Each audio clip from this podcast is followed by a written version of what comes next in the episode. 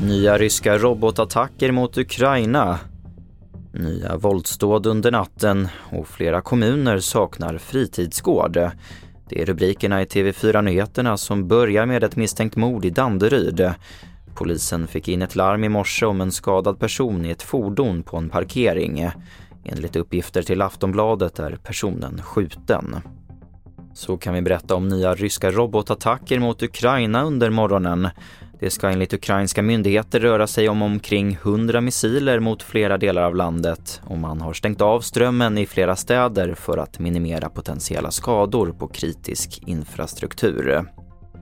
Ytterligare två våldsdåd inträffade i södra Stockholm i natt. Dels besköts en lägenhet i Gubbängen och bara minuter senare skedde en explosion vid ett lägenhetshus i Farsta. Polisen undersöker nu om det finns en koppling mellan de senaste dagarnas händelser. Till sist kan vi berätta att utbudet av fritidsgårdar för ungdomar varierar kraftigt mellan Sveriges kommuner.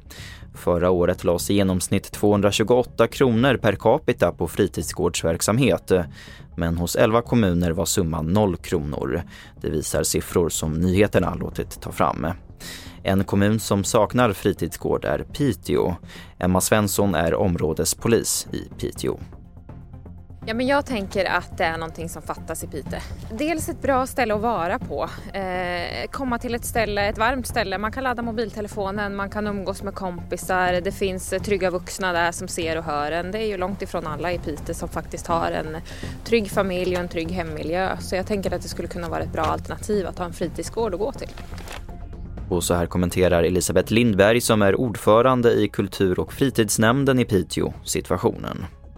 Frågan är, är det föräldrarna som vill ha det eller är det ungdomarna själv? Så att jag hoppas nu i februari att vi får svar vad det är egentligen de unga vill ha. Och det får avsluta TV4 Nyheterna i studion Albert Hjalmers.